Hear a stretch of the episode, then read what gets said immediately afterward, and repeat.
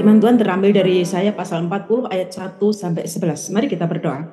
Kami bersyukur kami punya Allah yang maha agung, Allah yang memberitahukan sebelum terjadi, Allah yang menyiapkan pertolongan bagi setiap orang yang mencarimu.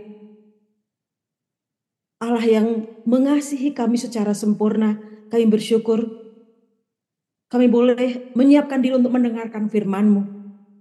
Kami ingin darahmu melingkupi kami, menguduskan kami. Sehingga kami layak mengerti firmanmu, roh kudus tolong kami. Kuasai seluruh keberadaan kami sehingga kami mengerti firman Tuhan. Terpujilah engkau di dalam nama Yesus kami berdoa. Amin. Ayat 1 dan 2, hiburkanlah, hiburkanlah umatku. Demikianlah firman Allahmu. Tenangkanlah hati Yerusalem dan serukanlah kepadanya bahwa perhambaannya sudah berakhir. Bahwa kesalahannya telah diampuni sebab ia telah menerima hukuman dari tangan Tuhan dua kali lipat karena segala dosanya. Nah, saat firman Tuhan ini diucapkan, Yesaya saat itu melihat ya Yerusalem masih aman-aman saja. Orang masih beribadah dengan baik. Tetapi pasal sebelumnya ada ungkapan yang cukup mengerikan. Bisa saudara baca seluruhnya nanti, tetapi saya akan bacakan pasal 39 Yesaya dari ayat yang kelima. Lalu Yesaya berkata kepada Hizkia, Dengarkanlah firman Tuhan semesta alam. Sesungguhnya suatu masa akan datang bahwa segala yang ada dalam istanamu dan yang disimpan oleh nenek moyangmu sampai hari ini akan diangkut ke Babel. Tidak ada barang yang akan ditinggalkan. Demikianlah firman Tuhan. Dan dari keturunanmu yang akan kau peroleh akan diambil orang menjadi sida-sida di istana Raja Babel. Nah saat itu Babel, saat Yeremia menubuatkan ini, Babel masih di bawah penjajahan Asur sama dengan Yehuda. Tetapi pasal 40 langsung ada perintah hiburkanlah. Hiburkanlah umatku. Tenangkanlah hati Yerusalem. Karena nubatan sebelumnya pasti akan terjadi. Semua barang-barang di istana Yehuda, istana Yehuda kita tahu sangat kaya karena Salomo pernah mengumpulkan emas sangat banyak, perak seperti kerikil, kekayaan Yerusalem cukup banyak. Dan nanti semua akan diangkut ke Babel. Tetapi ada saatnya tiba Yerusalem akan dihibur. Karena tadi barang-barangnya akan sempat hilang, semuanya hilang, semua diangkut pergi. Bahkan dari keturunan Daud, mereka hanya akan diambil sebagai sida-sida saja. Kedudukan mereka akan turun di bawah kerajaan bangsa lain, akan dijajah bangsa lain.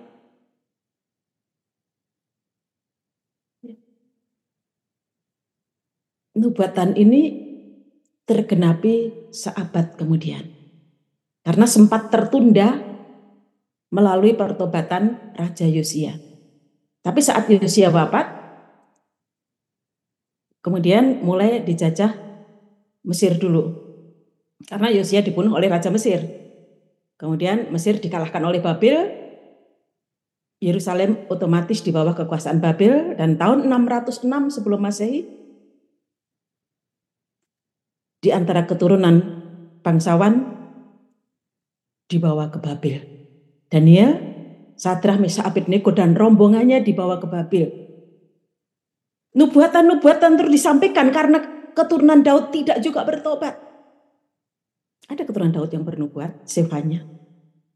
Tapi dia tidak berkedudukan sebagai raja. Raja-raja yang udah nggak ada yang benar. Nubuatan terus disampaikan kehancuran total Yerusalem. 597 baru orang-orangnya yang ditawan. 606 tadi di bawah Daniel dan teman-temannya. 597 cucunya Yosia, Raja Yekonia. Di bawah dengan rombongannya di antaranya ada Yeskia. Yehuda tidak bertobat, tetap melawan Tuhan. Dan kemudian Tuhan bertindak, Yerusalem dihancur ratakan dengan tanah. Bait Allah dihancurkan. Barang-barang Yehuda habis semua bawa ke Babel. Karena itu hiburkanlah, hiburkanlah umatku, demikianlah firman Allah. Mereka menangis, mereka menjerit. Dan dalam posisi mereka hancur, semuanya habis. Yeremia menuliskan kitab ratapan. Tapi sebelum semuanya terjadi sudah ada perintah, hiburkanlah, hiburkanlah umatku, demikianlah firman Allahmu. Tenangkanlah hati Yerusalem dan serukanlah kepadanya bahwa perhambaannya sudah berakhir. Bahwa kesalahannya telah diampuni sebab ia telah menerima hukuman dari tangan Tuhan dua kali lipat karena segala dosanya. Ada suara yang berseru-seru, persiapkanlah di padang gurun jalan untuk Tuhan. Luruskanlah di padang belantara jalan raya bagi Allah kita. Kenapa? Karena Tuhan akan bertindak lagi. Menghibur umatnya. Sudah menghibur karena umat Tuhan akan dikembalikan ke tempatnya. Dalam pasal 57 ayat 14 kitab Yesaya ada yang berkata, bukalah, bukalah, persiapkanlah jalan, angkatlah batu sandungan dari jalan umatku. Karena umat Tuhan akan kembali ke tanah yang sudah dijanjikan. Ayat yang keempat dari nas bacaan kita, setiap lembah harus ditutup dan setiap gunung dan bukit diratakan. Tanah yang berbukit-bukit harus menjadi tanah yang rata dan tanah yang berlekuk-lekuk menjadi dataran. Maka kemuliaan Tuhan akan dinyatakan dan seluruh umat manusia akan melihatnya bersama-sama. Sungguh Tuhan sendiri telah mengatakannya. Ya. Nubuatan ini tergenapi pertama tahun 536 sebelum Masehi. Bait Allah kembali dibangun setelah mereka menerima dekret dari Persia, dari kerajaan Persia, dari Kores yang kemudian menguasai Babel. Kemuliaan Allah dinyatakan. Sesuatu yang tidak mungkin menjadi mungkin. Nah, ratusan tahun setelah Baut Allah dibangun kembali, dalam Matius 3 ayat 1, pada waktu itu tampillah Yohanes Pembaptis di padang gurun Yudea dan memberitakan, bertobatlah, sebab kerajaan surga sudah dekat. Sesungguhnya dialah yang dimaksudkan Nabi Yesaya ketika ia berkata, ada suara orang yang berseru-seru di padang gurun, persiapkanlah jalan untuk Tuhan, luruskanlah jalan baginya.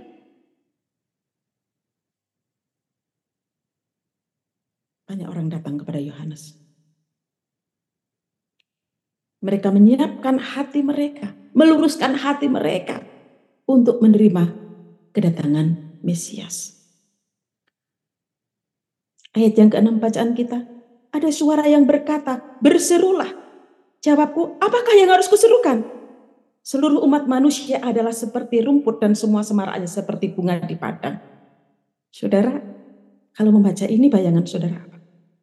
Ini ungkapan nubuatan perkataan dinyatakan kepada Yerusalem yang akan hancur. Yerusalem yang dijajah bangsa yang perkasa, bangsa yang kuat. Dan saat orang-orang berada di pembuangan, mereka kembali mengenang perkataan Yesaya ini. Apa yang mereka rasakan? Manusia hanya seperti rumput. Babel sangat bersemarak Tembok kotanya saja tingginya 100 meter. Itu tebal apa tinggi tembok kota Babel yang menawan mereka. Tetapi semaraknya seperti bunga di padang. Firman Tuhan selalu memberi harapan kepada yang mempercayainya. Saat diucapkan mungkin belum tahu. Saat saya mengucapkan situasi semua masih aman. Tetapi Yerusalem akan hancur.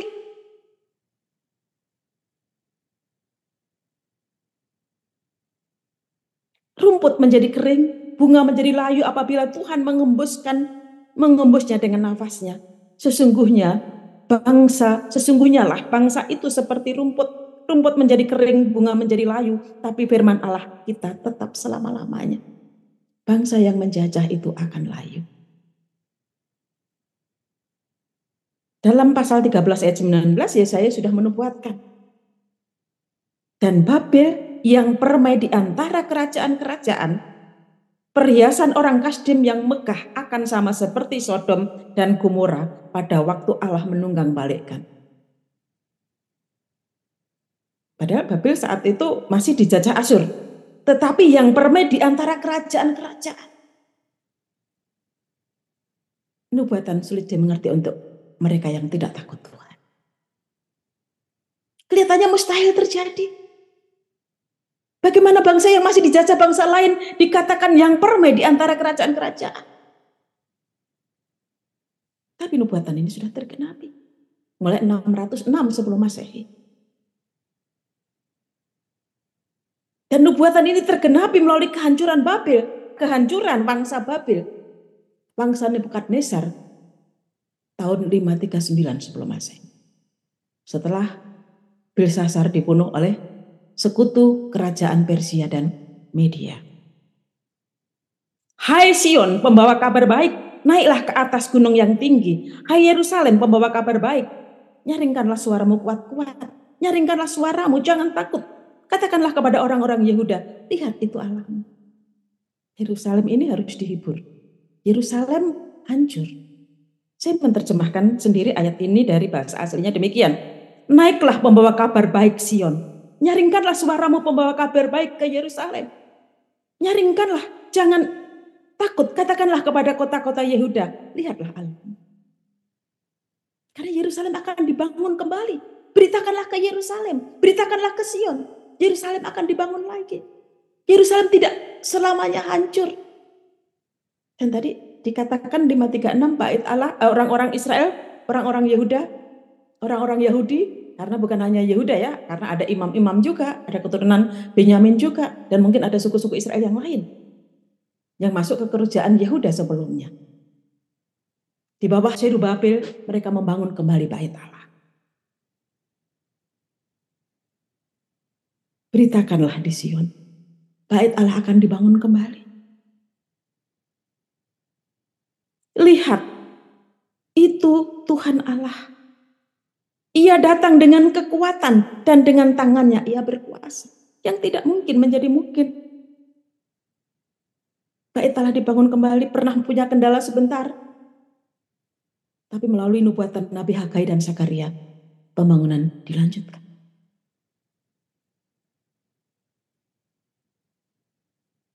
Bagaimana bait Allah berdiri di tengah-tengah kota yang temboknya sudah runtuh.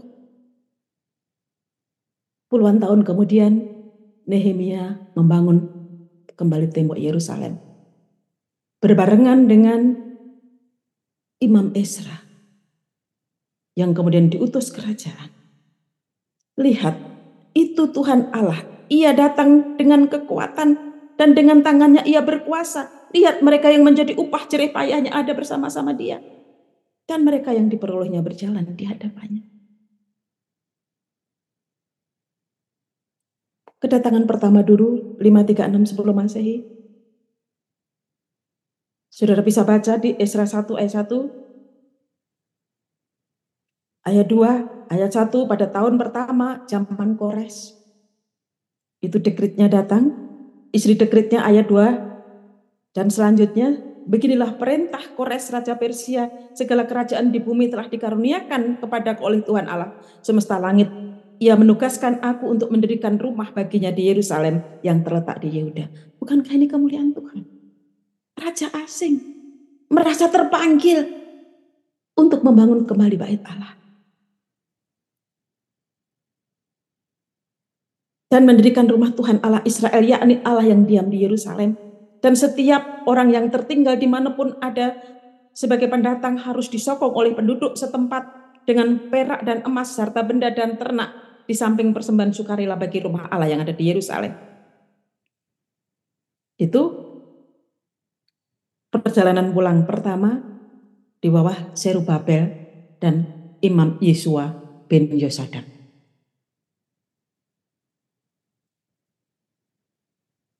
60 tahun kemudian, pasal 7 ayat 1, Kemudian daripada semuanya itu pada zaman pemerintahan Artasasta Raja Negeri Persia, maka berangkatlah Esra bin Seraya bin Asarya bin Hilkiah Ayat yang ke-6, Esra ini berangkat pulang dari Babel. Ia adalah seorang ahli kitab, mahir dalam Taurat Musa yang diberikan Tuhan Allah Israel. Dan Raja memberi dia segala yang diingininya. Oleh karena tangan Tuhan Allahnya melindungi dia. Datang ke Yerusalem untuk apa? Untuk memimpin ibadah, untuk mengajarkan firman Tuhan, untuk mengerjakan firman Tuhan, mengajarkan, melaksanakan hukum sesuai dengan firman Tuhan di Yerusalem dan sekitarnya. Bukankah ini kemuliaan Tuhan dinyatakan? Sementara tembok dibangun oleh Nehemia yang kemudian menjadi bupati Yehuda. Nubuatan tergenapi.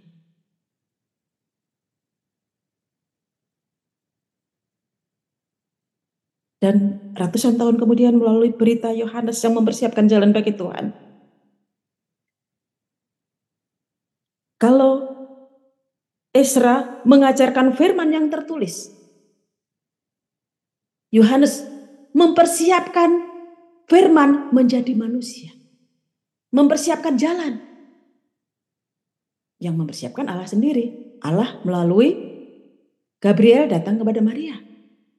Maria mempersiapkan. Tapi yang memberitakan Yohanes Pembaptis, firman akan menjadi manusia. Yohanes sudah melihat kemuliaannya. Saat suara dari surga, dari langit berbunyi, inilah anakku yang kukasihi. Kepadanya lah aku berkenan. Seperti seorang gembala, ia mengembalakan kawanan ternaknya dan menghimpunkannya dengan tangannya. Anak-anak domba di pangkunya, induk-induk domba dituntunnya dengan hati. Bagaimana nubuatan Yesaya digenapi bukan hanya sekali. Yang tertulis dalam Alkitab kita lihat Yerusalem dihibur karena Yerusalem dipulihkan. Bait Allah dibangun kembali. Puluhan tahun kemudian Yerusalem pagar-pagarnya ditutup. Tembok-tembok kota ditutup oleh Nehemia ibadah dijalankan sesuai dengan Taurat Tuhan. Kemudian masih dari keturunan, kalau Esra dari keturunan imam, Yohanes dari keturunan imam. Dipilih oleh Tuhan untuk menyuarakan, lihat, itu dia datang. Dia beritakan kepada murid-muridnya, lihatlah anak domba Allah yang mengangkut dosa isi dunia ini. Rasul Yohanes Andreas mengenal Yesus dari Yohanes Pembaptis. Karena dia yang menyiapkan jalan, meratakan jalan sehingga orang yang tidak tahu menjadi tahu.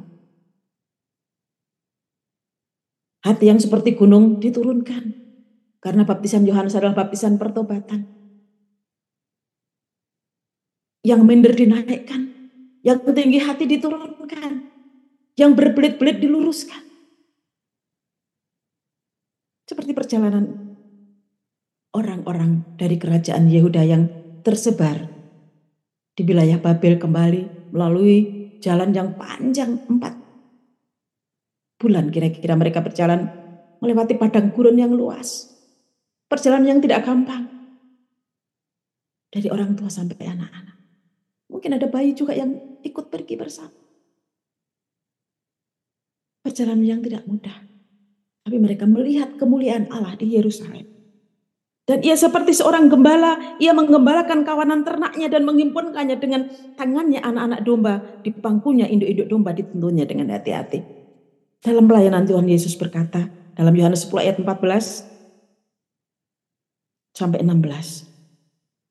Akulah gembala yang baik dan aku mengenal domba-dombaku dan domba-dombaku mengenal aku. Sama seperti Bapa mengenal aku dan aku mengenal Bapa dan aku memberikan nyawaku bagi domba-dombaku. Tetapi aku juga mempunyai domba-domba lain yang bukan dari kandang ini. Domba-domba itu harus kutuntun juga. Dan mereka akan mendengarkan suaraku dan mereka akan menjadi satu kawanan dengan satu gembala. Anda dan saya yang bukan keturunan Yahudi, ini adalah domba-domba dari kandang lain. Jadi kalau Yesaya 40 diperuntukkan bagi Yerusalem. Kemudian juga diperuntukkan untuk kembalinya orang-orang buangan ke Yerusalem. Kembalinya ibadah di bait Allah. Yohanes membawa berita yang lebih luas. Kalau Isra menyampaikan firman Tuhan, Israel kembali ke kitab Taurat. Kemudian yang diberitakan Yohanes mengarah kepada firman yang menjadi manusia. Dan firman itu telah menjadi manusia. Ia menjadi gembala. Bukan hanya bagi Israel. Tapi juga bagi orang-orang non-Israel. Ada dan saya masuk ke dalamnya masuk ke dalam satu kawanan. Bukankah ini kekenapan dari ayat yang kelima?